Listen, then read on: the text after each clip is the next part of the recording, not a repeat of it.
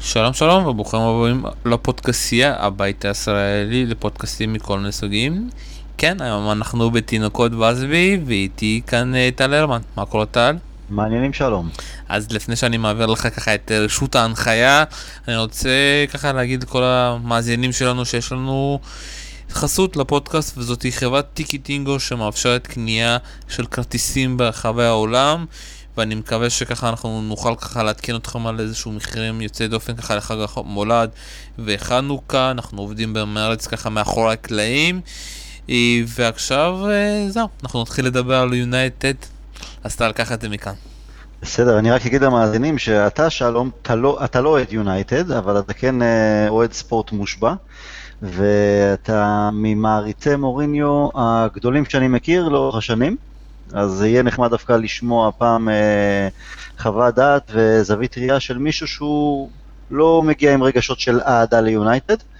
אה, אחרי שלושה ניצחונות, שניים בליגה, אחד באירופה, הרגשנו או רצינו להרגיש שהנה דברים חוזרים למסלולם, אבל אה, לצערי לא במנצ'סטר יונייטד מודל 2018.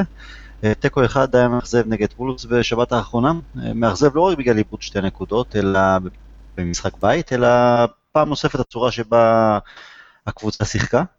ואם זה לא הספיק, אז איך לא אדון אה, מותג העונה לשם פול פוגבה החליט לשתף את התקשורת בדעתו על סגנון הקבוצה, איך היא צריכה לשחק ומה אנחנו עושים לא נכון, ובעצם תכלס העביר ביקורת פומבית אה, נוספת על אה, מוריניו. אז זה לא משנה אם מדובר בראש השנה או בחג סוכות, ביונייטד פשוט אין רגע של שקט. אני אגיד באנגלית קצת את הדברים שהוא אמר, אה, למי שלא קרא את העיתונים מאנגליה, או מן הסתם כותרות שיצאו גם בישראל. תכלס הוא אמר, I can't tell you because I'm a player, it's not me, I'm not the manager, I cannot say that, but obviously we should uh, show more options of playing. Uh, פעם נוספת חזר על זה ש- I cannot say that because I'm a player, אבל uh, that's my way of thinking. We should move better, we should move more, we should play much better against Wolves. המשיך ואמר, when we are at home, we should attack, attack, attack. That's Old Trafford. We are here to attack. I think teams are scared when they see Manchester United attacking and attacking. Uh, that was our mistake today, כלומר לאחר המשחק נגד וולפס. Uh, זה בגדול הדברים שהוא אמר. עכשיו תכלס, הוא צודק, אין ספק. יונייטד לא תוקפת מספיק, גם הסטטיסטיקה היבשה מראה על פחות בעיטות לכיוון השער, פחות התקפות, וגם כשהיא מתקיפה כמו שהיא התקיפה נגד וולס, בעיקר בכביכול מכבש ברבע שעה 20 דקות האחרונות, זה, זה היה כדורגל, כדורגל די מפגר. כדורים ארוכים, 30-40 מטר אל עבר הרחבה, בניסיון לתפוס את פלייני או את לוקאקו בגובה, ו... לעומת וולפס, עולה חדשה שהציגה כדורגל אחר לגמרי, הנעת כדור מסודרת, מהירה, אה, על הדשא, ביציאה מהגנה להתקפה. אה, שלום, אתה ראית את המשחק, מה דעתך על זה? אני אראה קודם כל כמה אה, דברים, וזה אחד הדברים שאני מאוד שונא אצל מוריניו, אתה יודע, בקדנציה הזאת אצלו ביונייטד, שהוא די יותר מדי צפוי, אתה יודע, אני, אני כאילו, אחד מה, אתה יודע, תמיד כשאני נזכר במוריניו, אני תמיד מקווה שיום אחד אולי נראה את הצ'לסי שלו, שהיא מעדף, אתה יודע, מצד אחד, וברח לי עכשיו, אתה יודע, השחקן השני שהיה מהצד השני. רובן בהתחלה, נכון? נכון, רובן, כן, אה, כן. ורובן, וזה היה כדורגל מדהים, כיף היה לראות, וזה היה, אתה יודע, מין כדורגל שמח כזה. מה שאנחנו רואים ביונייטד זה כדורגל כזה, בואו בוא נסיים את המשחק ונלך הביתה. ודווקא התחלתם uh, בצורה מעולה, אתה יודע, עם השער של פרד, ושם שוב פעם, הנאיביות והדברים הרגילים חזרו לעצמם. אתה יודע, לעומת קבוצות אחרות, או קבוצות תחתית, או קבוצות שעולות אה, ליגה, וול זה קבוצה מאוד שונה. ראינו את זה גם מול סיטי, ראינו את זה גם מולכם. הם משחקים את המערך של השלוש בלמים, והם גם יודעים לצאת קדימה.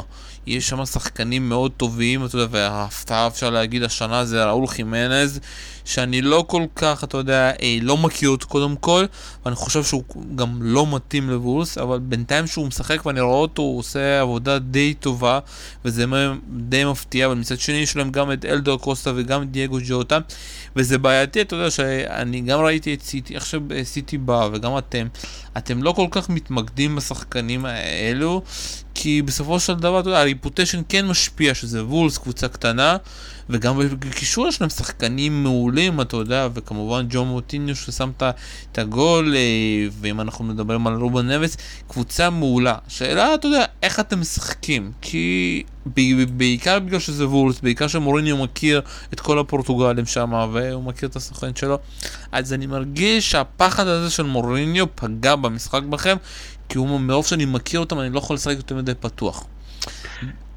אני אגיד לך כזה דבר, קודם כל כן, וולפס נהדרת, כמה פורטוגלים שיש להם קבוצה מאוד טכנית, מאוד מהירה, שחקנים שלהם הרגישו מאוד נוח אה, לטפל בכדור, להניע כדור, ואני חושב שיונייטד, אה, יונייטד העכשווית מאוד מתקשה מול קבוצות אה, שכאלה, ראינו את זה גם בעונה שעברה נגד סביליה, אתה יודע, לא מקבוצות הפאר של ספרד כרגע, אבל מאוד טכנית, והתקשינו מול הנעת הכדור שלהם. הנקודה שלי דווקא, אתה אומר שאנחנו, שמוריניו לא שם יותר מדי דגש אל היריבה, אני חושב שהוא דווקא שם יותר מדי דגש, כי זה מתקשר לי למשחקים נגד ווטפורד ו- וברנלי, ששם הוא עלה עם פלייני כמו נגד וולפס, אה, בהתחלה מתחת לבלמים, אה, קצת מעל הבלמים, כלומר קודם כל הגנה, איך אה, לנסות ולהגן טוב יותר קודם. במקום לייצר, לבנות את יונייטד שמשחקת את הכדורגל שלה, כדורגל הרבה יותר טוב, הרבה יותר חכם, ולתת ליריבה, ובטח יריבות, עם כל הכבוד לוולבס, עדיין בסך הכל עולה חדשה, אה, לתת להן לחשוש. הדברים שפוגבה אמר, שציינתי קודם לכן, זה בדיוק זה.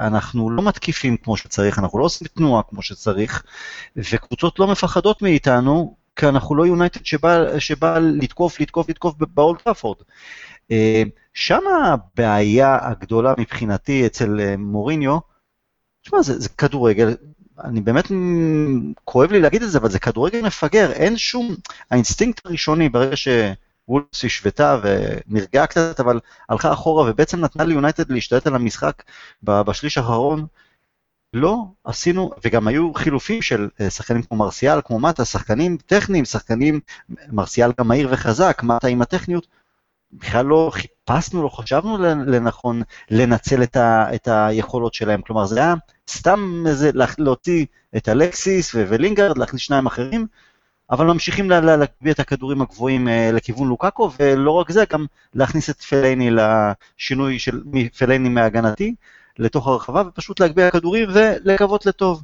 אז פעם, פעמיים זה מצליח המקריות הזו. פעם שלישית, נגד קבוצה שמגנה קצת יותר טוב, אתה מאבד את הנקודות בבית, והפער בתמרת גדל. שוב פעם, יש הבדל בין משחקי חוץ למשחקי בית. אתה יודע, במשחקי חוץ אתם יכולים לשחק, אתה יודע, רע במרכאות, אה, מלוכלך, ואתה יודע, גם לראייה יאן בויקס, הם שיחקו לדעתי מעולה, הגיעו להזדמנויות, אבל אתם ידעתם איכשהו, אתה יודע, אה, להשכיח את הדקות הטובות שלהם בלי לספוג, ואז בכמה התקפות באמת, אה, אתה יודע, להפקיע. אבל מול וולס, ובמיוחד שאתם בבית, ושוב פעם, אתה זוכר, אתה יודע, את כל המשחקים שהם בבית, אפשר להגיד, וגם, אתה יודע, אם אני חוזר עכשיו ללסטר, גם היו שם כמה דקות שלא... לא תראה, לסטר הייתה יותר טובה. לא שיחקתם טוב, שוב פעם. לא. אבל זה הבעיה, שבבית קשה לכם, כמו שפוגבה אומר, בבית אנחנו צריכים לבוא ולתקוף ולתקוף. והגישה של אה, מוריניו באה שונה, קודם כל אנחנו חושבים, משחק טקטי, אתה יודע, אה, עושים יותר מדי דברים כמו שצריך ואיך שצריך לפי ה... ובסוף אם אתה צריך להפקיע אז אתה מעיף את כל התותחים שלך למעלה ומנסה להחיות. וזה אחד, ה... אחד הבעיות, וגם זה אחד ההפתעות, אתה יודע שבמחצית הראשונה הובלתם 1-0 ולדעתי גם יכלתם לעשות 2-0 ובכלל השאר הגיע מפרד והייתה שם גם בעיטה חופשית שלו מעולה. כן, אבל, אבל עוד לפני 1 1-0 שלנו לברכיה, מי אם לא הוא לקח שני שערים בטוחים, כלומר... זה תמיד, שוב פעם. אבל לא, לא רק זה, השער הגיע בעצם משום מקום. כבשנו שער, מה, אזור דקה 30, משהו כזה, אם אני לא טועה. זה הגיע משום מקום, זה לא היה איזה משהו מתוכנן, וזה גם היה איזה משהו מקרי, ובישול אבל... טוב של פוגבה ובעיטה טובה של פרד, וזהו. לא הגענו אחרי זה ליותר מדי מצבים. אבל דיברנו, אתה יודע, זה ככה, גם שמעתי את כל הפודקאסטים שאנחנו דיברנו פה. אין משהו, אתה יודע, מסודר ביונייטד, כמעט כל נכון. השערים מגיעים באיזושהי מקריות. הכל מקריות. וזה ממשיך ככה, וגם ראית את זה. וקצת, בואו קצת נשנה את, את הדיבור ונדבר קצת על, על אלקסיס. אתה יודע, אני מרגיש שהרבה אנשים עדיין אה, מנסים להגן עליו בכפפות של משי, וגם אני מרגיש שמוריניו מנסה, אה, אתה יודע, לנסה, איך אפשר להגיד את זה בצורה יותר טובה, להגן עליו ולתת לו עוד קרדיט. אבל ראיתי איזשהו נתון שהוא עד, הוא כבר עם כמות מדהימה של דקות שהוא לא כובש. ו- והבעיה שלי, אתה יודע, זה גם בעמדה שלו, בארסנל, אתה יודע, זה גם איזשהו עניין שבארסנל הוא התחיל גם להפקיע יותר, שפתאום ונגר שם אותו כחלוץ. במידה ולוקקו לא ייפצע בדקות הקרובות, או אתה יודע, בשבועות הקרובות, וזה גם לא בטוח, אלכסיס לא ישחק חלוץ, אז אתה יודע, איך אנחנו פה... אה, פותרים את כל הפלונטה הזה של אלקסיס, שאני מרגיש שבקבוצה כזאתי, במיוחד, אתה יודע, שלוק שואו בצד שמאל, ואנשים יודעים מה הוא בדיוק הוא יעשה, יהיה מאוד קשה, אתה יודע, לנסות להחיות אותו. תראה, אלקסיס, וזה שוב, זה מתקשר לדברים שפוגבה אמר, זה מתקשר לפוגבה, ליכולות של פוגבה, למרות שהוא פתח את העונה מבחינת כפי טוב יותר, זה מתקשר ללוקאקו שנמצא בכושר לא מספיק טוב, ובעצם המשך ישיר גם לחודשים האחרונים של העונה האחרונה. אמ, רשפורד, מרסיאל, יכול אפילו להוסיף את אה, אה, מטה, גם לינגארד, שדי בדעיכה מסוימת, כלומר כל השחקנים ההתקפים שלנו הם בכושר, אפילו לא בכושר בינוני במקרה הטוב. אולי קצת פוגבה באמת עם ההברקות שלו, שזה שהוא, אה, בגלל היכולת האישית אה, שיש לו. אבל גם זה לא יציב, ותכף גם ניגע עוד קצת בפוגבה. אז אלקסיס בחצי העונה הראשונה שלו, העונה, בעצם החצי השני בעונה שעברה, זה היה סוג של 100 ימי חסד. הוא צריך להכיר את העיר, להכיר את הקבוצה, הקבוצה אותו, בסדר, זה לא היה טוב. אבל כן, תחילת העונה הזו, זה אפילו הולך עוד יותר אחורה. אה, אני לא בטוח שזה דווקא בגלל הצבה לא מתאימה של אלקסיס, כלומר הוא כן משחק מתחיל כעמדת מוצא בצד שמאל ואוהב אה, לחתוך פנימה לאמצע והוא עושה את זה לא מעט. אבל אלקסיס בארסנל היה מאבד לא מעט כדורים בניסיונות שלו לעשות משהו עם הכדור. וזה פחות היה מורגש כי הוא כן ניפק את השערים ואת הבישולים. וזה משהו שהוא לא עושה ביונייטד. אז תראה, בכל הבלאגן הזה שיש ביונייטד יש אשמה גדולה מאוד למוריניו, ויש גם דברים שאתה מצפה מהשחקנים לפחות את המינימום לעשות כמו שצריך, ואת זה לא עושים, גם לא אלקסיס. אמ, אז נכון, הוא סובל, ושוב אני חוזר לדברים של פוגבה, הוא סובל מהאין תנועה הנכונה, מאומנת למעלה. אה, הוא סובל מזה שאנחנו לא מתקיפים מספיק, אולי לפעמים גם לא מתקיפים מספיק שחקנים, כלומר שהוא מקבל כדור, אין לו יותר מדי אופציות מסירה, משהו שגם פוגבה בא בטענות לגבי זה. אה, אז זה קשור בעצם למשחק ההתקפי, לקבוצה ההתקפית הלא מאומנת. יחד עם זה, הוא נכשל גם בדברים הקטנים, ולא רק הוא, גם ארסיאל, גם רשפורד, אז אתה יודע, זה יוצר בעצם תמונה גדולה לא טובה. אני מסכים איתך, השאלה שוב איך אפשר לצאת מהפלונטה הזה, כי אני חושב שמוריניו לא ישתנה, הסגנון משחק שלכם לא ישתנה, אני גם לא רואה שמוריניו, אתה יודע, אחרי כמות השנים שהוא באנגליה וכמות האני, אני ואני והאגו המנופח שלו, שהוא באמת ישנה משהו, וכן, שוב פעם, אתה יודע, זה לא בושה לפעמים להודות בטעויות שלך, ואני אתן לך את הדוגמה הכי טובה של הטעויות, זה קונטה, שהוא הגיע לצ'לסי, הוא החליט שהוא לא משחק במערך שלו, של השלוש בלמים, כי הוא אמר שהקבוצה הזאת לא יודעת עדיין איך לשחק, ולא מאורגנת, ואני צריך ללמד אותה אה, קצת, ואתה יודע, אחרי התפוסה הזאת 3-0 לארסנל, זה לדעתי זה הניצחון היחיד של ונגר באותה שנה על אה, קבוצה גדולה, שהוא שינה את זה וזה באמת תפס. כאן למוריני היו יותר מדי בעיות, אפשר להגיד במרכאות, והוא באמת תירץ את זה שלא הייתה לו את הקבוצה, שהם לא התאמנו, ואפשר להגיד, אתה יודע, שהוא עבר את תקופת ההכנה עכשיו של החודש הקרוב. השאלה, האם אנחנו נמשיך לראות את זה, משהו שלא נגעתי אליו, שוב פעם, לגבי פוגבה, אתה יודע, אתה תמיד מזכיר אותו, אני חושב שפוגבה צודק וכל זה, אבל פוגבה יותר מדי נותן לעצמו לדבר, והוא כל כך יודע שאתה יודע, שאף אחד לא יעניש אותו, וגם שמענו את מוריניו, ואני מרגיש שפוגבה עכשיו מרגיש על גג העולם, כי הוא כביכול שולט על יונייטד.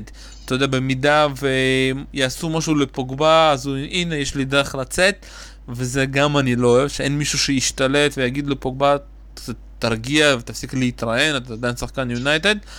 ואני חוזר עכשיו, אתה יודע, גם לפלאיני, אני חושב שההצבה של פלאיני היא מאוד נכונה.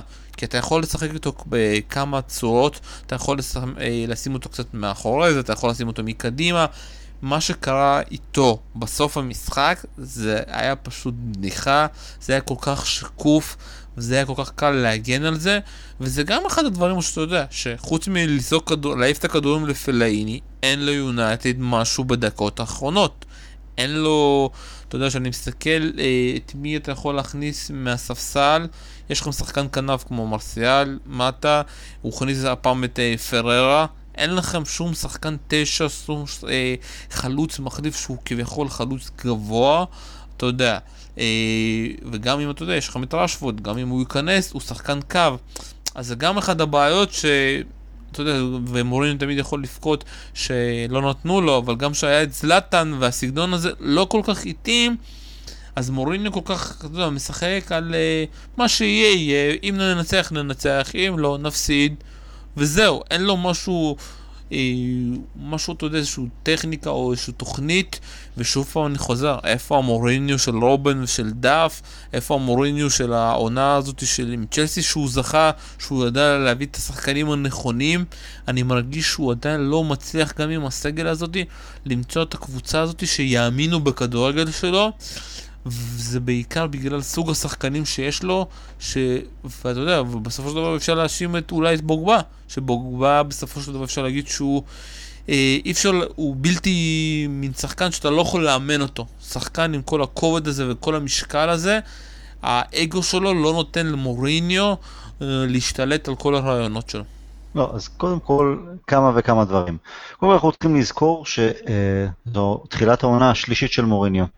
כלומר, לא, העונה הזו הייתה צריכה להיות המשך ישיר לבנייה של משהו, שתהליך מסוים שהיה צריך לקרות בשנתיים האחרונות, וזה לא קרה. ציינת בהתחלה את העונה הראשונה של זלאטן, אז נכון, זה, התחיל, זה היה, הקבוצה הזו הייתה בנויה על זלאטן, נגמרה העונה עם זלאטן, זה הפכה להיות העונה שבנויים על אה, לוקאקו, מבחינת החלוץ הגדול מקדימה, ועכשיו אנחנו מתחילים עם עונה שלישית, אז כשדי שקופים, לא מספיק טוב, אז... אמ, אין איזה המשכיות של משהו, זה הכל מקריות. אז זה קודם כל, אז זה, זה לא התחיל בקיץ של כן קיבל את השחקנים, לא קיבל את השחקנים שביקש, הוא גם קיבל לפחות, לפחות עשרה שחקנים חדשים בשנתיים הללו, אה, אז זה כבר די קבוצה וסגל שלו, ולא משהו שהוא ירש, שאז אתה יכול להגיד, אה, הוא לא יכול, אין לו את השחקנים המתאימים. זה השחקנים, רובם הוא כבר הביא, ואחרים שנשארו, אז יש לו את דחיה בשער, מציל אותו כל פעם מחדש. ציינת את פלייני, זה שחקן שנשאר כירושה עוד ממויס ובנחל.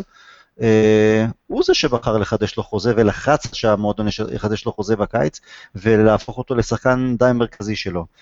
Uh, לגבי פלייני, הוא לא שחקן רע, אבל אם הוא עדיין צריך להיות אחד שיגן על, ה, על הקו האחורי של יונייטד מצד אחד, או האופציה הראשונה או השנייה אה, כהתקפית כשיונייטד צריכה לכבוש שער, אז זה מעיד לדעתי יותר מהכל על סוג של קיבעון והתיישנות של מוריניו, שבכלל חושב, או שמנצ'סטר יונייטד צריכה להמשיך ולשחק אה, עם מישהו כמו פלני כאחד הכלים המרכזיים. זה דבר אחד. דבר שני, ציינת רשפורד שחקן קו, אז לדעתי הוא לא שחקן קו, הוא בהחלט יכול להיות גם תשע וגם עשר. יש מספיק אופציות. וזה גם לא משנה השמות, וגם זה לא משנה אם מרסיאל הוא על הקו או לא, כי גם מרסיאל יכול איכשהו לשחק באמצע, ומה אתה יכול לשחק 10, למרות שרוב הפעמים הוא משחק מצד ימין וחותך לאמצע גם כן, אה, חותך למרכז. יש המון אפשרויות, יש חומר מספיק טוב, מספיק איכותי כדי פשוט לנסות ולשחק כדורגל אחר. אבל זה מאוחר מדי, זה כבר לא יקרה. אה, מוריניו, הכתובת היא על הקיר, זה רק עניין, לדעתי, אה, ואני חושב שרבים יסכימו איתי, עניין של רצף משחקים לא טוב, של תוצאות לא טובות, עד, שבעצ... עד שאפשר יהיה, לוודוורד, יהיה את האומץ להגיד תודה רבה, שלום והביתה. אתה שואל, שאלת אותי מקודם, מה אפשר לעשות, איך זה ישתנה? זה לא ישתנה.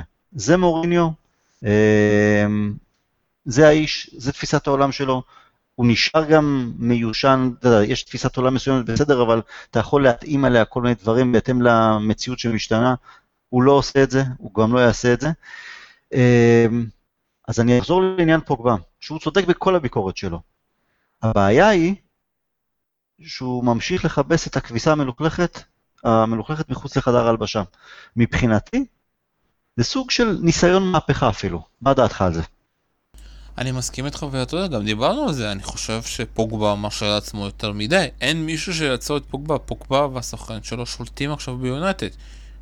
ואני מרגיש... זה פוגבה, פוגבה, זה בעיקר פוגבה והסוכן, כן. כן, הם מחזיקים, את, אתם לא יכולים, מנצ'סטר לא יכולה לעשות שום דבר, אתה יודע, אם היא תקנוס אז הוא יבכה, הנה, דיברתי, כנסו אותי. וגם שמענו על מוריניו שדיבר על זה במשימות עיתונאים, אני אקנוס שחקן, אתה יודע, ניסה להתחכם קצת.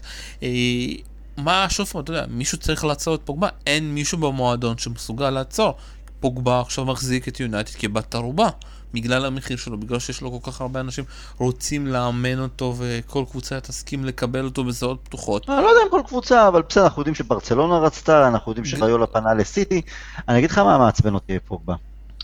זה לא הפעם הראשונה שהוא uh, מוסיף שמן למדורה בשבועות האחרונים, דווקא כנגד עלי הזית שמוריניו הושיט לו מספר פעמים, אגב גם ביום שישי האחרון במסיבת העיתונאים, פוגבה, uh, מוריניו די הגן על פוגבה ואיך שהוא לוקח את הפנדלים. הייתה, הייתה ביקורת מסוימת על ה...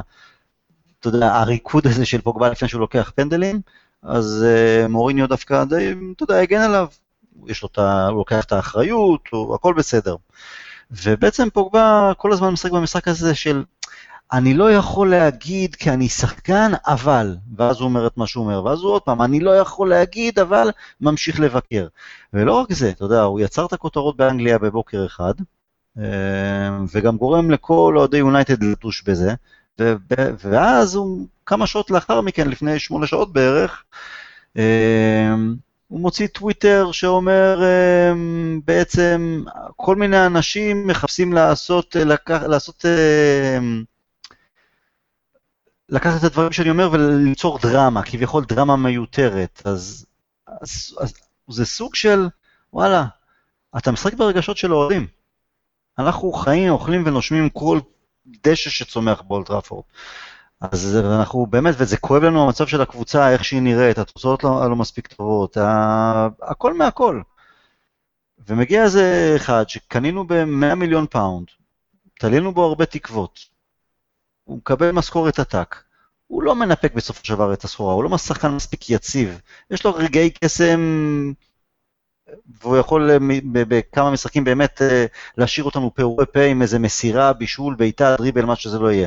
אבל הוא לא שחקן מספיק חכם, והוא לא שחקן מספיק יציב, ויש המון ביקורת, וביקורת נכונה על ה...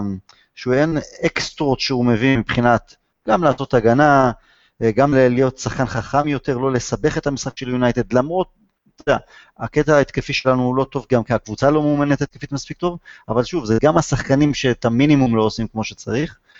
והוא בעצם משחק, כן, הוא משחק במערכת, ב, בכל המערכת, כי הוא יודע שהוא מותג מוכר, שמכניס הרבה כסף ליונייטד, והוא מכיר את הנקודה החלשה של וודוורד, שרוצה את השחקנים הכוכבים, והוא הביא ספונסרים אה, בעסקאות גדולות, גם על, על סמך זה שיש לנו שחקן עם שם גדול, אה, פוגבה, מותג, זוכה גם בגביע העולם, אז הוא מפחד לגעת בו. אבל בעצם אנחנו רואים שחקן שמזלזל במנג'ר, וזה לא משנה שאני לא רוצה את מוריניו יותר, כי אני לא מאמין שהוא אני רוצה שהוא ילך, נקודה שורה התחתונה, הוא כבר לא מספיק טוב, ונכשל בתפקיד שלו, ועדיין, אני, זה כואב לי לראות איך שחקן עושה צחוק ממנג'ר של מנצ'סטר יונייטד, ואתה צודק, אף אחד לא ייגע בו.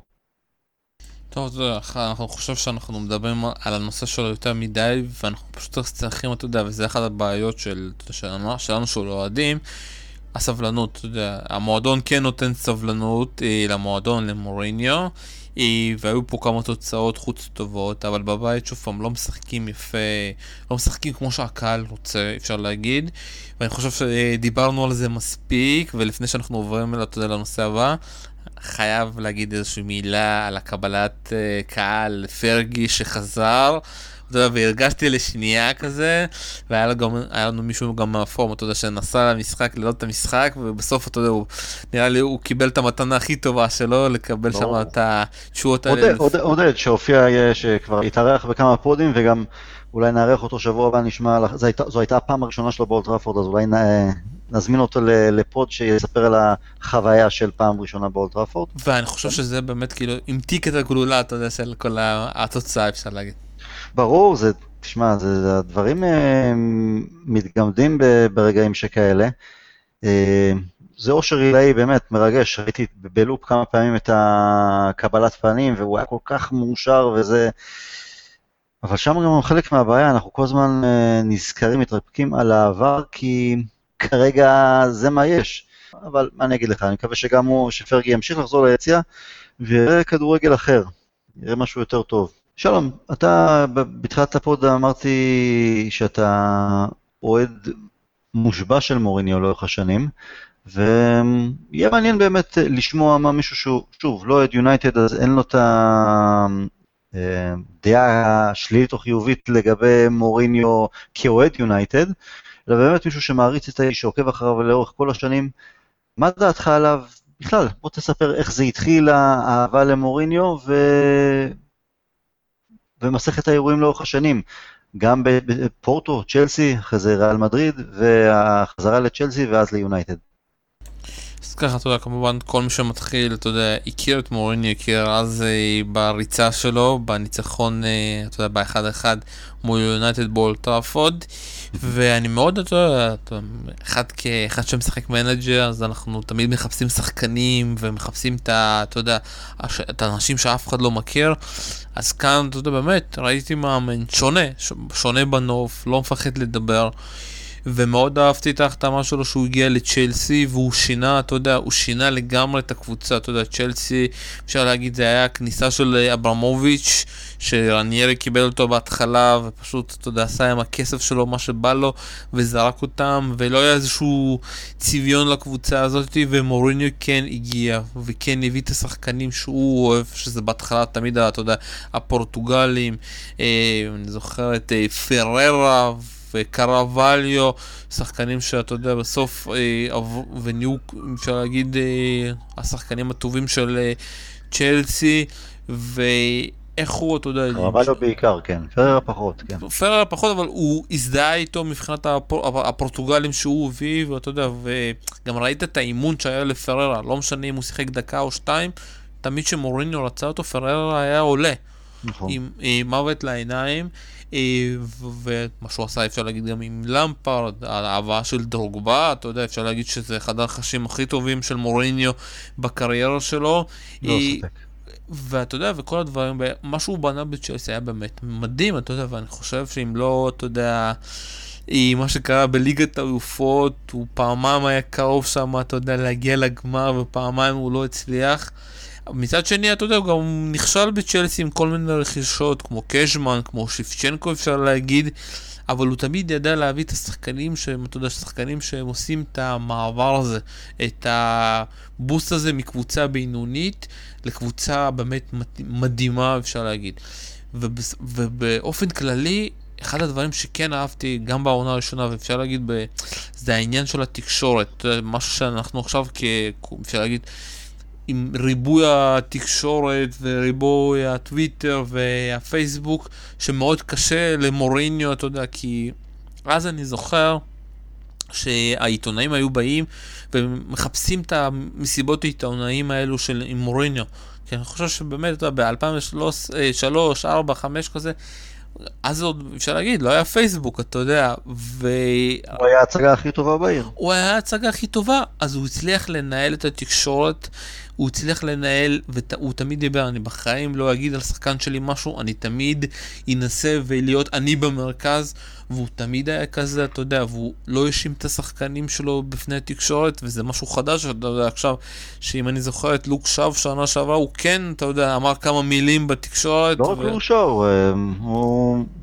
תראה, אני, הקדנציה הראשונה שלו בצ'לסי הייתה פנטסטית, אין ספק, הוא גם גרם, אתה יודע, הוא בעצם נישל את אה, ונגר מהעמדה של ראש בראש מול פרגוסון, הוא גרם לפרגוסון לחשוב, לעשות אה, חישוב מסלול מחדש מבחינת איך להיערך לעונה, כי בשתי העונות הראשונות בצ'לסי הוא, היא נתנה גז בפתיחה, שבחג המולד כבר זה היה די ברור שכמעט בלתי אפשרי להשיג אותן, שזה היה שונה, כי בדרך כלל באנגליה עד אז ידעו שאתה צריך להיות פחות או יותר בתמונת הצמרת עד חג המולד ואז לתת את הגז.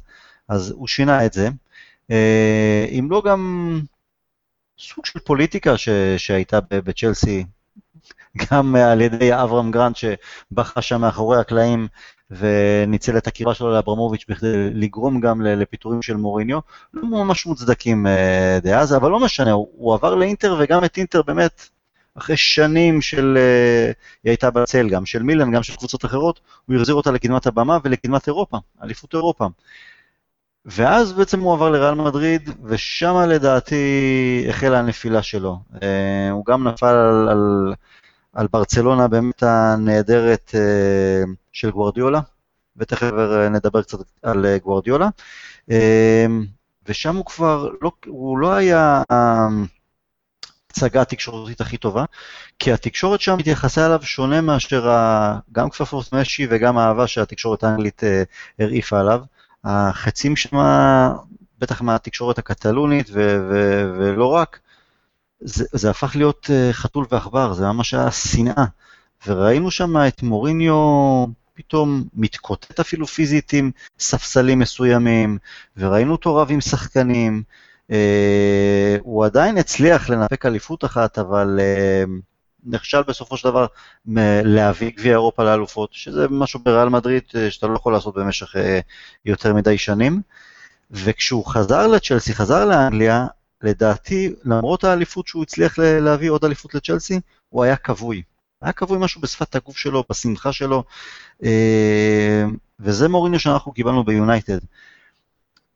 גם הסגנון של אני, אני, אני ואני, זה לא מתאים ליונייטד.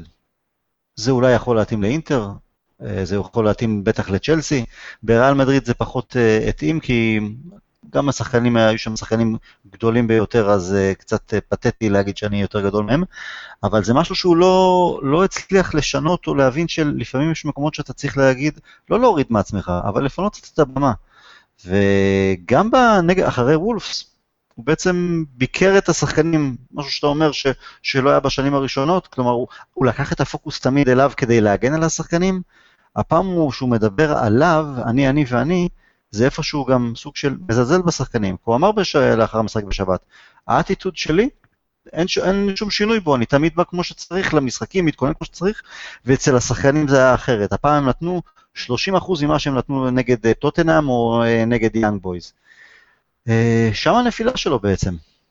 אז שוב, אני, אני חושב שאתה צריך להפריד את השנים שלו בכדורגל האנגלי ובאיטליה ובספרד. וזה קודם כל למה? וזה בעיקר בגלל התקשורת. הוא לא הצליח לשלוט על התקשורת, לא באיטליה ולא בספרד. הוא לא הצליח לשלוט בשחקנים שלו. עם כל הכבוד, השחקנים בריאל, אה, אפשר להגיד... בריאל כמו... מדריד, באינטר הם, אה, השחקנים היו נכון, שלו לכל דבר, כן. דיברתי איתך, בריאל כן. מדריד שחקנים הם מעל המאמן. מוריניו הוא לא מעל סכר רמוס, והוא לא אה, מעל אה, רונלדו, עם כל נכון, הכבוד. נכון. אה, וזה, אתה יודע, כשאנחנו מדברים על הצלחה באינטר, זה בדיוק ההצלחה של אינטר. אתה יודע, עם כדורגל שהוא עבר את אה, ברצלונה, אני לא רואה אותו עובר עם כדורגל כזה, אתה יודע, אחרי שירחקו לו את יאגו מוטה, ולא בריאל מדריד, לא בצ'לסי ולא ביונייטד, כי זה לא ב-DNA. נכון. באינטר אתה יכול לעשות את זה, כי זו קבוצה איטלקית, שמוריני אומר לה, אתם עושים עכשיו בונקר 90 דקות, הם יעשו את זה. וזה, אתה יודע, וגם הוא נפל, אפשר להגיד, על עונה שיובנטוס, אתה יודע, לא היו בליגה, אה, מילן שם גם קצת... זה לא משנה, לא משנה, היו לו שם שנתיים מוצלחות ש... ביותר. שנתיים שהוא, שוב פעם, הוא לא שיחק את הכדורגל היפה, הוא שיחק כדורגל איטלקי, אבל באיטליה אתה יכול לשחק כדורגל איטלקי ולהצליח, כי השחקנים מבינים מה זה לעשות נכון. הגנה, והם לא עכשיו בבוז, אנחנו, וזה לא פוגבה. אני חושב שוב פעם לעונה, אתה יודע, הראשונה שלו בצ'לסי, ואני חושב שוב פעם, הייחודיות שלו היה בכל הדברים מאחורי הקלעים, שזה איך שהוא דיבר עם התקשורת, איך שהוא הכין את השחקנים שלו. אתה יודע, שמעתי שכל שחקן לפני כל משחק מקבל דיסק עם הביצועים של השחקן שהוא צריך לשמור עליו, מה הוא צריך לעשות, וזה דברים שלא היו, אתה יודע... הייתה שם חדשנות, נכון? היה חדשנות. איפה הבעיה מתחילה, ואתה יודע, אנחנו רואים את זה גם בעונה האחרונה שלו בצ'לסי. שפתאום, אתה יודע, נגמרים הרעיונות. כי המערך של מוריני הוא תמיד אותו דבר. הוא לא משנה את המערך שלו, כמעט אפשר להגיד בכל הקבוצות, ואולי, אתה יודע, באינטר, שאתה יכול קצת להחכים. הוא כמעט והוא לא משחק את המערך של השלושה בלמים. הוא תמיד משחק את ה-4-3-3, אתה יודע, עם uh, שתי שחקנים אפשר להגיד שהם קצת... Uh, שחקן אחד דפנסיבי אפשר להגיד, ושתיים כזה מקדימה, ואיזשהו שינויים, אתה יודע, ותמיד שני שחקנים uh, בצדדים.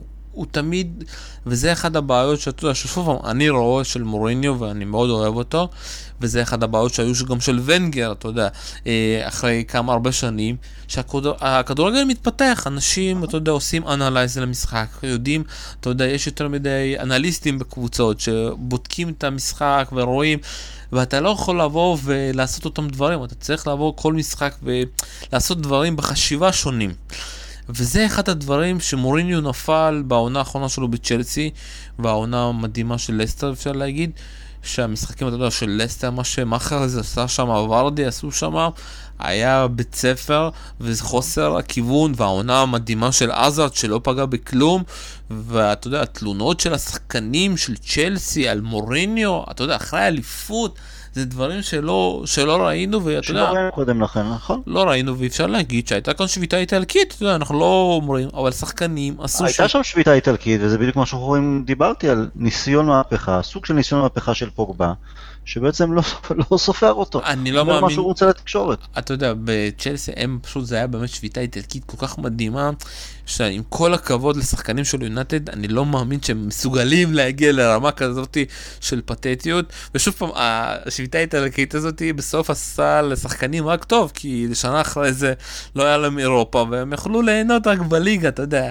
היה לזה מחיר טוב בסופו של דבר לשביתה האיטלקית הזאת. אבל אם אנחנו חוזרים למוריניו, שוב פעם, כאוהד של מוריניו, אחד הדברים שאני מאוד לא אוהב שהוא ממשיך עם זה, זה עם האני האני שלו, האגו שלו. אה, וגם, אתה יודע, חשבנו שאולי אנשים חדשים נכנסו השנה לצוות וזה ישנה משהו, לא. אני חושב שמוריניו מתי שהוא יבין שהוא כן צריך לקחת, אתה יודע, את השנה הזאת של השבתון, וזה תמיד קורה דווקא כשמפטרים אותו, לנוח, לחשוב קצת, וכן לנסות... היה לו את זה, היה לו את זה אחרי צ'לסי. וזה לא... יונייטד הייתה... אין מה לעשות.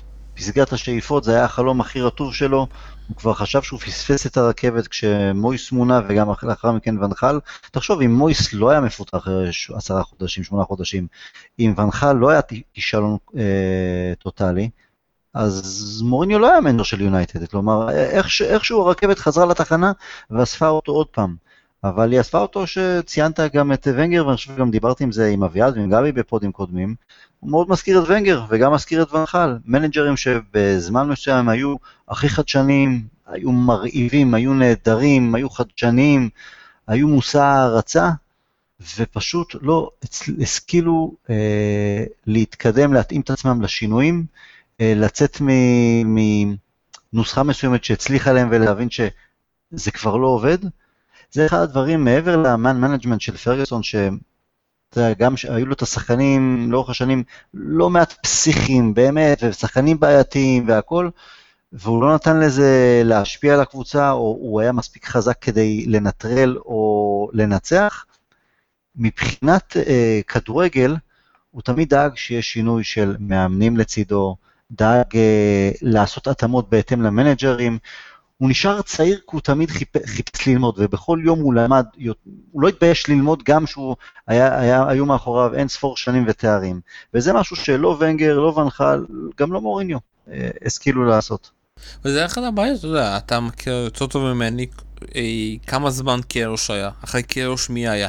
כל פעם, אתה יודע, האנשים האלה מאחורי הקלעים שאף אחד כמעט לא זוכר שהיו במנצ'סטר, אבל זה אנשים שבסופו של דבר הם היו על המגרש, אתה יודע, מנג'ר, שתמיד מדברים על פרגוסון, אתה יודע, הרבה אנשים ששוכחים שפרגוסון בסופו של דבר לא היה יורד על הדשא באימונים, הוא היה... לא, אז אני אגיד לך, בשנים הראשונות שהוא הגיע ליונייטד, הוא היה עושה הכל מהכל, באמת, כולל להכין את התה אם צריך. ואחד העוזרים שלו, העוזר הראשון שלו המרכזי היה ארצ'י נוקס, שהוא בא איתו מאברדין. ובשלב מסוים נוקס אמר לו, תשמע, אני, בשביל מה באתי? אתה נמצא באימונים על הדשא, אתה מחלק את ההוראות, אתה מפעיל את האימונים, אתה עושה ככה, אתה עושה ככה, בשביל מה אני פה? ואז פרגוסון הבין, והוא לקח צעד אחורה, והוא נתן לארצ'ינוקס לאמן את הקבוצה. כלומר, הוא היה מסתכל על האימונים, או מגובה הדשא, או במשרד שלו למעלה בקליף, אבל פחות התעסק באימון היומיומי.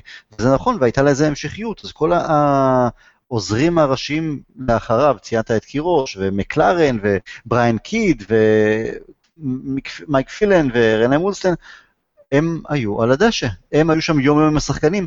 גם היה אפשר ליצור איזה סיטואציה מסוימת של אה, השוטר הטוב והשוטר הרע, כלומר פרגי הוא השוטר הרע, הקשוח, הקפדן, והשחקנים ידעו גם לגשת לעוזר, לעוזרים שלו.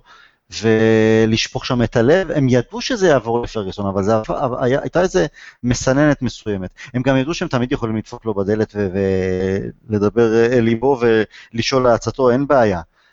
אבל הוא התאים את עצמו גם אתה יודע, היום זה דור שחקנים אחר לעומת הדורות שקדמו להם, מבחינת קשיחות, מבחינת אה, אפילו סוכנים, אתה יודע, לפול סקורס לא היה סוכן, לגיגס היה עורך דין לא הייתה בעיה, הם באמת חתמו על חוזים צ'יק צ'אק, היום כל אה, שחקן היום מנוהל על ידי הסוכן כאילו זה אימא ואבא שלו. פרגוסון הבין את זה, אז הוא התאים את עצמו לזה, אה, כמו שהוא התאים את עצמו לאלף ואחת דברים, אבל זה פרגוסון באמת יחיד במינו. אז כן, אז מוריניו לא עשה את ההתאמות הללו, כמו, שוב, ונגר ונחל, וזה קרה גם עם מנג'רים אחרים. אמ, בוא נעבור לנושא השלישי, אתה רצית לציין מישהו שבעצם מצליח איכשהו ב- להישאר בתודעה כבאמת אחד הטובים ב- בעשור האחרון, זה גוורדיולה, וראית את הסרט שנעשה על סיטי. כן, אז אתה יודע, עשיתי איזשהו, אפשר להגיד בינץ' של שמונה פרקים אה, בסופה של האחרון. ו... זה באמזון היה, נכון? כן, באמזון פריים, מי שרוצה, שבוע אחד חינם, אה, מאוד ממליץ, אה, במיוחד אם אתם אוהדי יונטד, כי אותי מאוד עניין אותי, אתה יודע, מה קרה בשני המשחקים של... אה, רגע, כשאתה הוא... אומר ממליץ לאוהדי יונייטד זה בכדי דע את האויב, כן? אתה יודע, לא כדי... לא, דע את האויב, ובמיוחד איך הוא התייחס למשחקים שלכם. הוא התייחס? איך, אז אני רוצה לספר לך עכשיו. קדימה. אתה יודע, במשחק ה... קודם כל, אתה יודע, הסרט הזה שינה לי המון על uh, פפ. אני מאוד אהבתי אותו עד עכשיו, אבל אתה יודע, תמיד הייתי סקפטי כזה, ויש לי פשוט חוויה שהוא גם מאוד uh, לא אוהב את כל השינויים וכל ההמצאות של פפ. ואחרי הסרט הזה הבנתי שבסופו של דבר מאמן, אתה יודע, משהו הוא צריך לדעת, זה שהשחקנים יאמינו בו. ותמיד לתת את ה passion הזה, תמיד אה, לתת את העניין הזה על מה הם צריכים לשחק. אתה יודע, ואחד הדברים הכי כיפים שהיו בסרט לראות, מה פפ עושה כדי לשכנע את השחקנים שלו לנצח את המשחקים בסוף. אתה יודע, אחרי שאתם הפסדתם... אה, תזכיר לי למי הפסדתם 1-0 והם התחילו לחגוג את האליפות? אתה מתכוון אחרי הדרבי שלנו? כן. אני, אני, אני לא טועה זה היה ווסט ברומיץ'. נכון, רוז מומיץ', ואתה יודע, ואחרי המשחק הזה, ושוב פעם, אתה יודע, הכי מצחיק, אה, שאלו אותו במסיבת עיתונאים, מה אתה הולך, אתה הולך לצפות במשחק? אז הוא אומר, לא, אני הולך לשחק גולף. אתה יודע, שאתה שומע, הוא הולך לשחק גולף באנגליה, איפה אפשר לשחק גולף? מסתבר שהוא מין אותו איזה מין וי כזה, שהוא הולך לשחק... מה זאת אומרת איך אפשר לשחק גולף באנגליה? אנגליה זה ארץ גולף... אה, בתשע, בתשע, בתשע בערב, אתה יודע. אה, תשע בערב, בסדר, זה משהו אחר. אז אתה יודע... מקום עם זרקורים? אז גם חשבתי, אבל מסתבר שלא, הוא משחק טניס מול מין מקום כזה ש... טניס או גולף? אה? טניס או גולף? הוא משחק גולף מול מסך, מין, מין וי כזה שאתה... אה, אוקיי, אוקיי, אוקיי. מול מסך אוקיי. כזה שאתה אה, כאילו מעיף את הכדור, וזה מין, ב, מין מחשב כזה שאתה יודע, מביא את הכדור. אוקיי. אז די הופתעתי שאתה יודע, שהוא ככה מחכה לאליפות, ודווקא קומפני כן אה, ציפה, אתה יודע, ראה את המשחק הזה עם המשפחה שלו, ומה מור... אה, פפ עשה, אתה יודע, אחרי המשחק הזה, הוא התחיל לשכנע את השחקנים שלו שהם צריכים לנצח את כל המשחקים עד הסוף. איך הוא עשה? כל הרצאה שלו, אתם מנצחים את המשחקים, אתם ממשיכים לשחק באותו הדבר. למה? מתחיל להראות להם את ה... מי הקבוצה שסיימה הכי גבוה. איזה שיאים הוא רוצה עוד לשבור. ואחד הדברים שאתה יודע, שאני מנסה להבין למה פפ תמיד הצליח בביירן מינכן, למרות שהעונה נגמרה כבר בינואר בגרמניה, איך הוא תמיד הצליח בברצלונה, זה העניין הזה שהוא יודע מה להגיד לשחקנים בדיוק בזמן. מה, איך הוא בא, אתה יודע, העניין של הניהול, שהוא אומר משהו לשחקן, השחקנים באמת עושים. רגע, אבל אמרת בעצם שקצת זה שינה לך את הדעה עליו לרעה, אז למה? לא, לא לרעה, לטובה. לטובה, אוקיי. כי בהתחלה הייתי סקפטי, והסרט הזה באמת שינה לי דווקא לטובה, כי שמתי לב שבסופו של דבר כמה שאתה להיות חכמולוג וזה, ואתה יודע, גם משהו טוב שעשו את הסרט הזה אה, בדיוק, אתה יודע, בשנה השנייה של פפ. שאף אחד לא יודע איך היא תסתיים, אתה יודע, אף אחד לא האמין שהוא יפתח ככה וישחק ככה, ואתה יודע, גם שמעתי עכשיו שקלופ לא הסכים שיצא... קלופ לא הסכים, אז הם, אמזון פנו לביירן מינכן. נכון, שמעתי גם את זה, ואתה מנסה להבין למה פפ מסכים, אתה יודע, להכניס, וגם לדעתי הצוות היה ספרדי, אה, גם הבמאי וגם זה, אז הוא לפעמים דיבר בספרדית, לפעמים גם כל העוזרים שלו בספרדית, אה, וחיפשתי את העניין הזה, ובסוף, אתה יודע, מה שהבנתי, בסיטי אין מישהו מעל המועדון. יש את הדמות הראשית שזה פפ, והכל מתנהל סביבו, וזה כולל קונו אגרה, וזה כולל דה ברנה.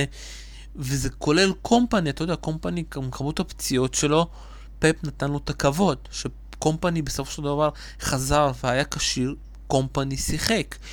ואתה רואה את, את ההתנהלות של פפ, וזו התנהלות מדהימה של ניהול, איך הוא מנהל את כל הצוות שלו. אתה יודע, יש לו איזשהו איש צוות שהוא בכלל לא קשור בכלל, אין לו שום קשר לכדורגל, ואיזשהו מישהו שהיה אלוף אה, באולימפיאדה, בנבחרת השחייה. אבל הוא איש של, הוא חבר של פפ, והוא נמצא, אתה יודע, בקבוצה ובאימונים, בשביל לעזור לפפ מבחינת דברים שאיך פפ מתנהל. Okay. אוקיי. אתה, אתה היית רואה מישהו אצל מוריניו שיגיד למוריניו האם הוא יתנהג נכון? ופפ אמר לי, כן, זה חבר טוב שלי שעוזר לי לפעמים שקשה לי. הוא מדבר איתי, יש לנו פה צוות, והצוות שאני נמצא איתו מאוד עוזר לי. ארטטה עוזר שלו, יש לו עוד כמה עוזרים שהוא נותן להם את התפקיד שלה, אתה יודע, של ה... לא מין מאמנים, עוזרי מאמן הוא קורא להם. ו... כל כך, אתה יודע, דברים קטנים, ש... והוא כן נותן להם את העניין הזה שמאמן אחד עובד על בעיטות חופשיות, מאמן אחד על משהו אחר, ארטטה עובד על משהו אחר, יש לו מישהו שהולך איתו מאז הקבוצה הראשונה של פפ, שהוא עובד אותו על את כל הקבוצות, והוא מכיר אותו בעל פה, אפשר להגיד. אה, אנשים שממש קרובים עליו. יש לו מין אנליסט וידאו מיוחד שבודק כל משחק עם כמה זוויות. אתה רואה את העבודה מאחורי הקלעים שלו מדהימה, אבל בסוף, אתה יודע, זה העניין, מאמן צריך, אתה יודע, לדבר. צריך לדעת שיבינו אותו, וצריך להכניס את התשוקה שלו. ואתה רואה שהוא מסביר איך צריכים להניע, יש לו תדריך טקטי, איך מניעים כדור, והוא מראה. ואתה יודע, אחד הדברים המצחיקים שהיו בסרט, שכמעט רוב הקטעים שהם שמו על דברים הטקטיים, זה לגבי המגינים. איפה וולקר צריך להיות, איפה דלף צריך להיות. אה, שהקבוצה מתקיפה, הקבוצה מגינה, איך הוא התכונן, אה, איך היא התכונן בכלל לליברפול, אה, הפחד שלו מי ישחק מקדימה, ועכשיו נחזור איך הוא התכונן למשחקים נגדכם. Okay. אוקיי. במשחק הראשון, כל התדריך טקטי היה על בעיטות חופשיות. איך לתקוף את יונייטד בקרנות, איך יונייטד אה, מגינים בקרן, בצדק, כי זה עקב אכילס שלנו, אנחנו קבוצה שלא יודעת להגן כמו שצריך אה, כקבוצה, אני לא מדבר על חוליית הגנה. אז... אנחנו מתקשים מאוד במצבים נייחים שנגדנו, ספגנו לא מעט שערים בגלל זה. יפה. אז אם אתה תעשה, אתה יודע, גם את המשחק הראשון וגם את המשחק הראשון, המשחק הראשון ספגתם שני שערים ממצבים נייחים, גם במשחק השני ספגתם שער אחד במצב נייח, וזה פשוט, אתה יודע, הראייה של אה, פפ על מה לשים את הדברים. אתה יודע, לא הרבה מאמנים אה, שמים את הדגש הזה על הבעיטות החופשיות, אבל במיוחד נגדכם, אתה יודע, גם הראו את זה בסרט, איך פפ אמר, מנצ'סטר שומרת בצורה כזאת, אתם נכנסים בצורה כזאת, ואתה יודע, ממש עבדו על הבעיטות החופשיות כל התדריך הטקטי. אוקיי, ומה עוד? היה נגדנו? ובעיקר, שוב פעם, העניין הזה במשחק הראשון. במשחק השני היה, אתה יודע, ואני חושב שזה לא במיוחד שהם באמת שמו את כל הפיץ של uh, פאפ ב-2-0, שהוא דיבר שלא צריכים, אתה יודע, לוותר וצריכים לשים גז גם במחצית השנייה, והקבוצה פשוט התפרקה לו, אתה יודע. ו... איך, איך, איך, אה, היה שם, צילמו את השחקנים של סיטי מיד לאחר המשחק נגד יונייטד, אחר השלוש-שתיים? כן, כן, צילמו גם כן. אחרי, גם אחרי, וגם במחצית שמו את הקטעים המלאים, אפשר להגיד, שזה באמת, אתה יודע, אחד הדברים שמאוד אהבתי, לשים את המשחק הכי חשוב, איך אה, פפ דיבר גם לפני וגם אחרי, וזה, אתה יודע, זה היה מדהים לראות את פפ לפני, אתה יודע, כמות המילים שלו, כמה דברים שהוא דיבר, ואתה יודע, ומכל כמות המשחקים, ואתה יודע, וניסיתי להבין, אתה יודע, אנחנו אומרים, השחקנים, אתה יודע, התירוצים שלנו, של האוהדים, היו, הקבוצה לא חזרה מחדר הבשה. ושאתה מנסה להבין למה היא לא חזרה. חיפשתי כל מיני דברים בקטע הזה של... זאת אומרת, זה פשוט משהו שלא ניתן להסביר. אי אפשר להסביר את זה כי זה לדעתי היה ה pitch הכי טוב שאתה יכול לתת לקבוצה ב-2-0. אתה יודע מה, ב-2-0, על ההתחלה, לסטרלינג שם הייתה הזדמנות, אם לא 2, מדהימות. לעשות 3 ו-4-0, כלומר, מדהימות. ואז אה, המומנטום השתנה תוך כדי משחק, אה, ובשאר, אתה יודע, שוב, מקרי של יונייטד, שינה מומנטום. אבל כן. מדהים. תשמע, אני אגיד לך- אני אני אגיד לך כזה דבר, אני חושב שגם אם תשים מצלמות שכאלה במעקב אחר מוריניו ביונייטד, אז המון אנשים, אולי גם כולל אני, שאני אה, רוצה שהוא כבר יעזוב אותנו, יראו מוריניו שונה. אה, קודם כל, מספרים עליו, וגם ציינתי את זה לא פעם ולא פעמיים, גם בביקורת הכי גדולה שלי, הביקורת המקצועית, מדובר בבן אדם מאוד מאוד נחמד ומאוד חביב, אה, בהקשר של מחוץ לכדורגל. אה, משהו שאולי הוא עשה לא נכון בשונה מגוורדיולה או אחרים, שבאמת עד לעונה, עד לקיץ הזה, הוא היה תקוע עם אותו צוות מאמנים לאורך שנים. כלומר, לא הייתה שם חדשנות גם לא מבחינת אה, כדורגל, אבל גם מבחינה אנושית. אז אני יכול, יכול להבין את זה שהוא uh, תמיד שמר שיהיו סביבו אנשים שהוא בוטח בהם, אבל יכול להיות גם טיפוס יותר חשדן, ובגלל זה הוא לא חיפש אה, לשנות כמו גוורדיולה או אחרים. אבל אני כן חושב שאם ישימו מצלמה על מוריניו יקבלו לא מעט עבודה מאחורי הקלעים. אני חושב שלמשל, כשכבשנו נגד אה, ווטפורד אני חושב, את הגול של סמולינג עם הוולה, הוא קפץ על, על, על הספסל שם, מתחבק עם כולם, כי אה, הבנת שזה משהו שעבדו עליו באימונים, ושהוא היה שמח עד הגג, שזה בא לידי ביטוי ב... שיש תוצאה של העבודה באמצע השבוע על מגרש האימונים, שיש תוצאה על זה בשבת אה, בזמן המשחק.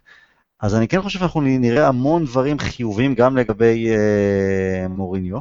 שאלה כמה הסרטים האלו גם מראים את הצדדים הפחות טובים, אתה יודע, בכל זאת, תקשורת, עריכה, מן הסתם אה, זה צריך לעבור סוג של צנזורה, או יש הסכמים למשל לפני שלא מראים את כל הדברים הרעים. אז אתה- תשמע, גם בעונת אליפות אה, אדירה של סיטי, אז סביר להניח שרוב הדברים גם ככה יהיו חיוביים.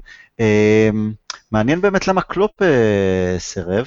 אה, כנראה הוא, לטענתו זה יכול להפריע, למרות שאני זוכר שהיה סרט דומה בעונ... בכמעט העונת, העונה הכמ... שבה ליברפול כמעט זכו באליפות עם אה, ברנדן רוג'רס, גם כן, היה צוות אמריקאי דווקא ש...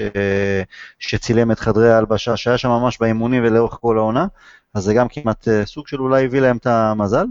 אה, תשמע, אז- סקרנת אותי, אז- אה, צריך לראות את זה. אז אני אגיד לך שוב פעם, גם לגבי קלופ שמעתי את זה, ואני חושב שבגלל ההצלחה דווקא של סיטי, הוא לא רוצה את זה, כי אתה יודע שזה... מה שפפ נתן, זה אף אחד לא עשה את זה, אתה יודע, בינתיים. שוב פעם, חוץ מרוג'רס, ואנשים לא כל כך זכרו את זה, אתה יודע, כי זה עבר זמן. ועוד דברים, אתה יודע, של פאפ, שעסקו שוב פעם, אתה יודע, הדברים, שוב פעם, לאוהדי יונתד זה באמת הרגעים האלה של המחצית, אה, במשחק הזה שניצחתם 3-2, וגם אחרי זה, אתה יודע, אם אתה זוכר, היה שם פאול מדהים על אה, אה, קון, ואתה יודע, אחרי המשחק אתה רואה באמת איזושהי מין צלקת כזאת על הרגל של קון, ואף אחד לא הבין מצב. לא, אני חושב שזה פוגבה אפילו עשה את התיקול- את אותו תיקול, אם אני לא טועה. אני חושב שזה יאנג לדעתי. גם, אוקיי. ואתה רואה עוד מין צלקת כזאת, וקון אומר, מה, איך הגיוני שלא שרקו את זה? ואם אתה תראה את זה שוב פעם בעיניים של הצוות של סיטי, אתה תראה באמת שסיטי באותו משחק לא נכנס לה שום דבר, זה היה צריך להיות משחק של 7-2, 7-3. בקלות. בקלות. זה היה, אוהדי מכבי תל אביב יש את הנס בדלונה או משהו כזה, אז זה היה נס לכל דבר. אני זוכר, ראיתי את המשחק בפאב, במחצית הפנים שלנו היו, היינו גמורים, כי הם, הם השפילו אותנו, זה היה 2-0 שהיה צריך להיות 5-6-0 במחצית, ולא הבנו איך יצאנו מזה רק ב-2-0, ואיך שהתחילה המחצית, אז שוב פעם, סטרלינג שם הכתיב הזדמנות 2 של 100%, ומשום מקום חזרנו, אז באמת היה משהו, אבל הרסנו את זה שבוע אח- לאחר מכן בהפסד ביתי מטופש. אז שוב פעם, אתה יודע, מאוד היה מעניין לראות, ושוב פעם, אתה יודע, אנשים לא זוכרים, אבל זה היה בשבוע של ליברפול, אתה יודע, אז, נכון, הוא, נכון, הוא היה, נכון. אז היה, הוא היה צריך כאילו להרים את החבר'ה האלה, וזה גם, אתה יודע, היה מאוד מעניין, הוא, הוא כאילו, התדריך שלו אחרי המשחק מול ליברפול, הוא אמר, חבר'ה, שיחקתם מעולה, אבל ספגתם בכמות הקטנות שהיו לליברפול, וזה אסור לנו, לנו שיקרה, שאנחנו מגיעים ל-X מצבים ואנחנו לא כובשים, ובמשחק הזה אתה רואה כמו, גם כמה החלטות של שיפוט וגם כמה מצבים שהם באמת היו צריכים לכבוש, והוא אומר, ומצד שני הם מגיעים ל-X מצבים והם כובשים את כולם, ואתה לא באמת... ואז, ולפי הסרט הזה אתה רואה גם את המחצית הראשונה במשחק השני שגם השופטים שם קצת הרסו להם ואתה...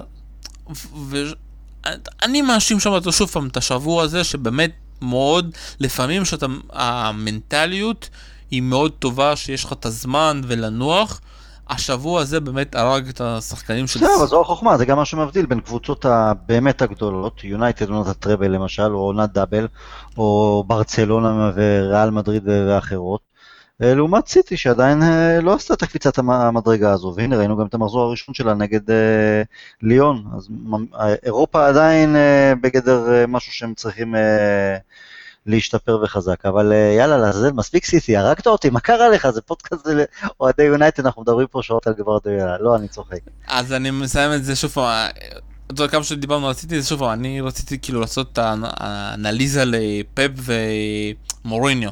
למה פפ מצליח, אפשר להגיד, עכשיו, ומוריניו לא. פפ, יש לו, הוא יודע איך להעביר את הרצונות שלו ואת ה vision שלו לשחקנים. ובעיקר הוא יודע להביא שחקנים שהם לא מעל המועדון. אתה יודע, הוא יכל להביא גם את פוגבה, ושמענו על זה שהוא לא הסכים להביא את פוגבה. הוא מביא שחקנים שהוא יכול לשפר אותם, שיש לו את העניין הזה, שיש לו, את העניין הזה של הגילאים, ואני נותן לך את הדוגמה הכי טובה, זבלטה וקולרוב. החוסר ההצלחה שלו בשנה הראשונה, שהוא הבין את זה מאוחר מדי, ששחקנים זקנים לא מתאימים לסגנון של פפ. נכון. ועוד אחד, דבר שאתה יודע, לסיום שאהבתי מפפ, שהוא צחק בסוף על העיתונאים, הוא אמר, אתם כולכם אמרתם לי שאי אפשר לזכות באנגליה עם הכדורגל שאני משחק. הנה, הוכחתי לכם. או, זו, זו הנקודה. הכדורגל שלו, הפילוסופיה שלו, איך שהוא חושב שכדורגל צריך להיראות, זה, זה לא הטיקי טקה, קודם כל, אבל זה כן כדורגל מאוד מהיר, מאוד מתקדם, מאוד על הדשא, תנועה, הקבוצה שלו היא כל כך התקפית ומגיעה לים הזדמנויות, ובעיקר, היא מגיעה לכל משחק ולא משנה מי יריבה, וסיטי משחקת את הכדורגל שלה. גוורדיולה לא משפיל מבט ואומר, אני פוגש עכשיו את יובנטוס, אני פוגש עכשיו את יונייטד, אני פוגש עכשיו את ליברפול. לא משנה שנגד ליברפול זה לא הצליח, למרות שהוא עושה גם שינויים טקטיים לא נכונים באנפילד, אבל יכול להיות שהוא יכול להיות שם שהוא טעה, אבל לא משנה, אבל הוא מגיע לכל משחק כדי לנצח ובכל מקום, והוא חושב קודם התקפה ולא הגנה. זה ההבדל הכי גדול, פשוט, אה, בהסבר הכי פשטני שיש בין גוורדיולה לבין אה, מוריניו. מוריניו הצליח עם הגישה הזו שלו, אבל במקומות אחרים, בתקופות אחרות, וכשיש לזה תקרת זכוכית מסוימת. מה שגוורדיולה מציע זה גבוה יותר, אבל גם לא, לא גוורדיולה, אנחנו רואים גם מה קלופ אה, אה, בשנתיים וחצי שלו, אה, לאן שהוא מוביל את ליברפול, אנחנו ראינו גם את וולפס, איך קבוצה שרק עלתה ליגה, ובצורה שבה היא עלתה ליגה, והיא בעצם ממשיכה את הסגנון הזה גם בפרמייר ליג, ותשמע, הייתה שווה שלוש נקודות נגד יונייטד, עד כדי כך. ושוב פעם, אנחנו אם נסכם את זה, אני חושב שהכל זה עניין שאני חושב שיהיה לפפ מאוד קשה השנה, כי הוא לא החליף כמעט, חוץ ממחרז, הוא לא הביא אף אחד, וזה מאוד קשה להמשיך בסגנון הזה, ושוב פעם, אני מדבר פה בעיקר על הקטע המנטלי. פפ דורש... יהיה קשה, כי יש להם גם את ה... אוקיי, זכו באליפות, הכל טוב ויפה. החבר'ה שלושה השייחים בסיטי רוצים גם את גביע אירופה. ו... לא, זה, זה, לא, זה לא עניין של גביע אירופה, זה עניין של כמה... שמור על הרב, בסדר, גם, ברור. לא, רב הוא מכניס בהם זה מעולה. אתה יודע, אחד הדברים שאתה יודע שבסוף כזה חיפשתי לראות לה, כמות המשחקים, למה הוא הפסיד לליברפול ולמה הוא הפסיד לוויגן. ויגן, אתה יודע, ניצחו אותו 1-0 על כן, כדורגל, על כדורגל אנגלי ישן. לכסח, לכסח, לכסח. לפחות שלושה שחקנים יצאו שם עם uh, כאבים, ואתה יודע, השחקנים, וגם היה שם האדום של דלפ, בכניסה, אתה יודע, מדהימה. אם אני שוב פעם לא טועה, וזה היה באמת במשחק הזה. אה, זה הכדורגל שניצח את אה, פפ באותו משחק. זה הכדורגל שאתם ניצחתם במחצית השנייה, מחצית שנייה שניצחתם, פשוט הרגתם לסיטי את הרגליים, והם לא היו מוכנים אה. לא כיסחנו, אבל כן שינינו גישה, שזה בסדר גמור, זה חלק מהכדורגל האנגלי, אתה לפעמים גם מנצח בדברים שלא הנטו הנעת כדור, אתה גם, זה גישה מסוימת וזה קשיחות, כן. אבל לא כל הקבוצות בליגה, אתה יודע, בסדר, אבל זה מה שהיה לוויגן להציע אה, מול אה, סיטי, מה לעשות, זה סב- אה, כוחות סבבה, מטורפים. אבל שוב בגלל זה אנחנו אוהבים את הגביע האנגלי. נכון, אתה- נכון. אתה יודע שגם קבוצות קטנות יודעות לבוא בכלים שלהם. אני- אני מרגיש שלפעמים יש קבוצות בליגה האנגלית שבאות ומתפרצות בפני סיטי. וזה לא צריך להיות ככה. וראינו נכון. לדוגמה את וולס שלו, ואמר בוא, אנחנו, יש לנו את הסגנון שלנו, ואנחנו נמשיך לשחק את הסגנון שלנו, וזה לא משנה שזה סיטי. נכון. למרות שהם כן עשו שם התאמה בתיקו אחד במחזור השני, זה היה, הם כן שינו את המערך, הם שיחקו אה, 5-4-1 ולא ה-3-4-3 שלהם, אבל בסדר, עדיין הם, באותו סגנון של... ההתק- ההתקפות המתפרצות שלהם היו על אותה הנעת כדור מהירה ותנועה קדימה, אבל בסדר, אתה יודע.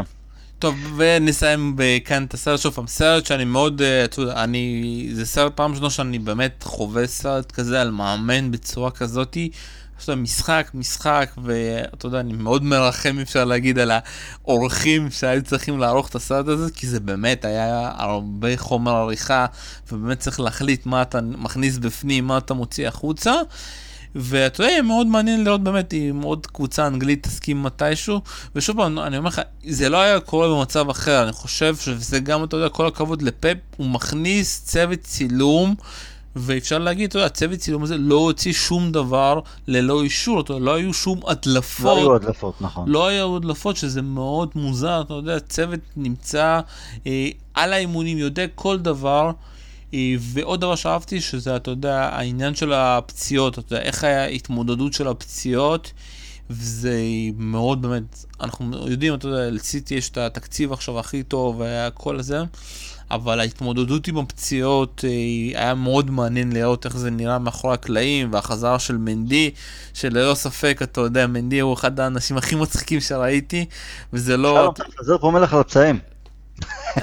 אני חייב שוב פעם להגיד, מנדי אחד האנשים הכי מצחיקים שראיתי, גם, אתה יודע, בטוויטר והאינסטגרם שלו, אבל גם איך שהוא נראה בסרט, ואני מאוד שמח שהוא חזר עכשיו לשחק ואיך שהוא משחק, ואני מקווה שבאמת יש עכשיו, כנראה שיש לו עוד פציעה עכשיו, והוא יחזור מזה, ובזה, בכאן סיימנו את הדיבור כן. על הסרט. נראה לי, נראה לי הבקשות אה, מהמאזינים שלנו יהיו, פעם אחרונה שאתה מביא מישהו שהוא לא את יונייטד לפוד. זה בטוח. אה, אני צוחק, אני צוחק. טוב, רק להזכיר שמחר יש לנו משחק, אה, אפרופו קבוצות קטנות, אז גביע הליגה נגד דרבי קאונטי. מעניין לראות איזה הרכב יעלה שם עם כמה שינויים. אה, ומעניין גם לראות מה תהיה ההתייחסות של מוריניו לדברים של פוגבה, סביר להניח שהוא יישאל על זה. טוב, היה לי מאוד כיף, אני... גם לשלום תודה שעלית לשוחח. היה לי מאוד כיף, ואני מקווה, אתה יודע, שוב פעם, אני כן מחכה לזידן, ולדעתי זו שאלה של זמן מתי זידן יבוא, כי הדרך לשם, אתה יודע, כמו שהדרך הייתה, ראינו את הדרך עם מויס ועם ונחל, וגם כאן כנראה נראה. לא יודע, שיהיה זידן, שיהיה מישהו אחר, רק שיהיה שינוי, כי אנחנו צריכים שינוי.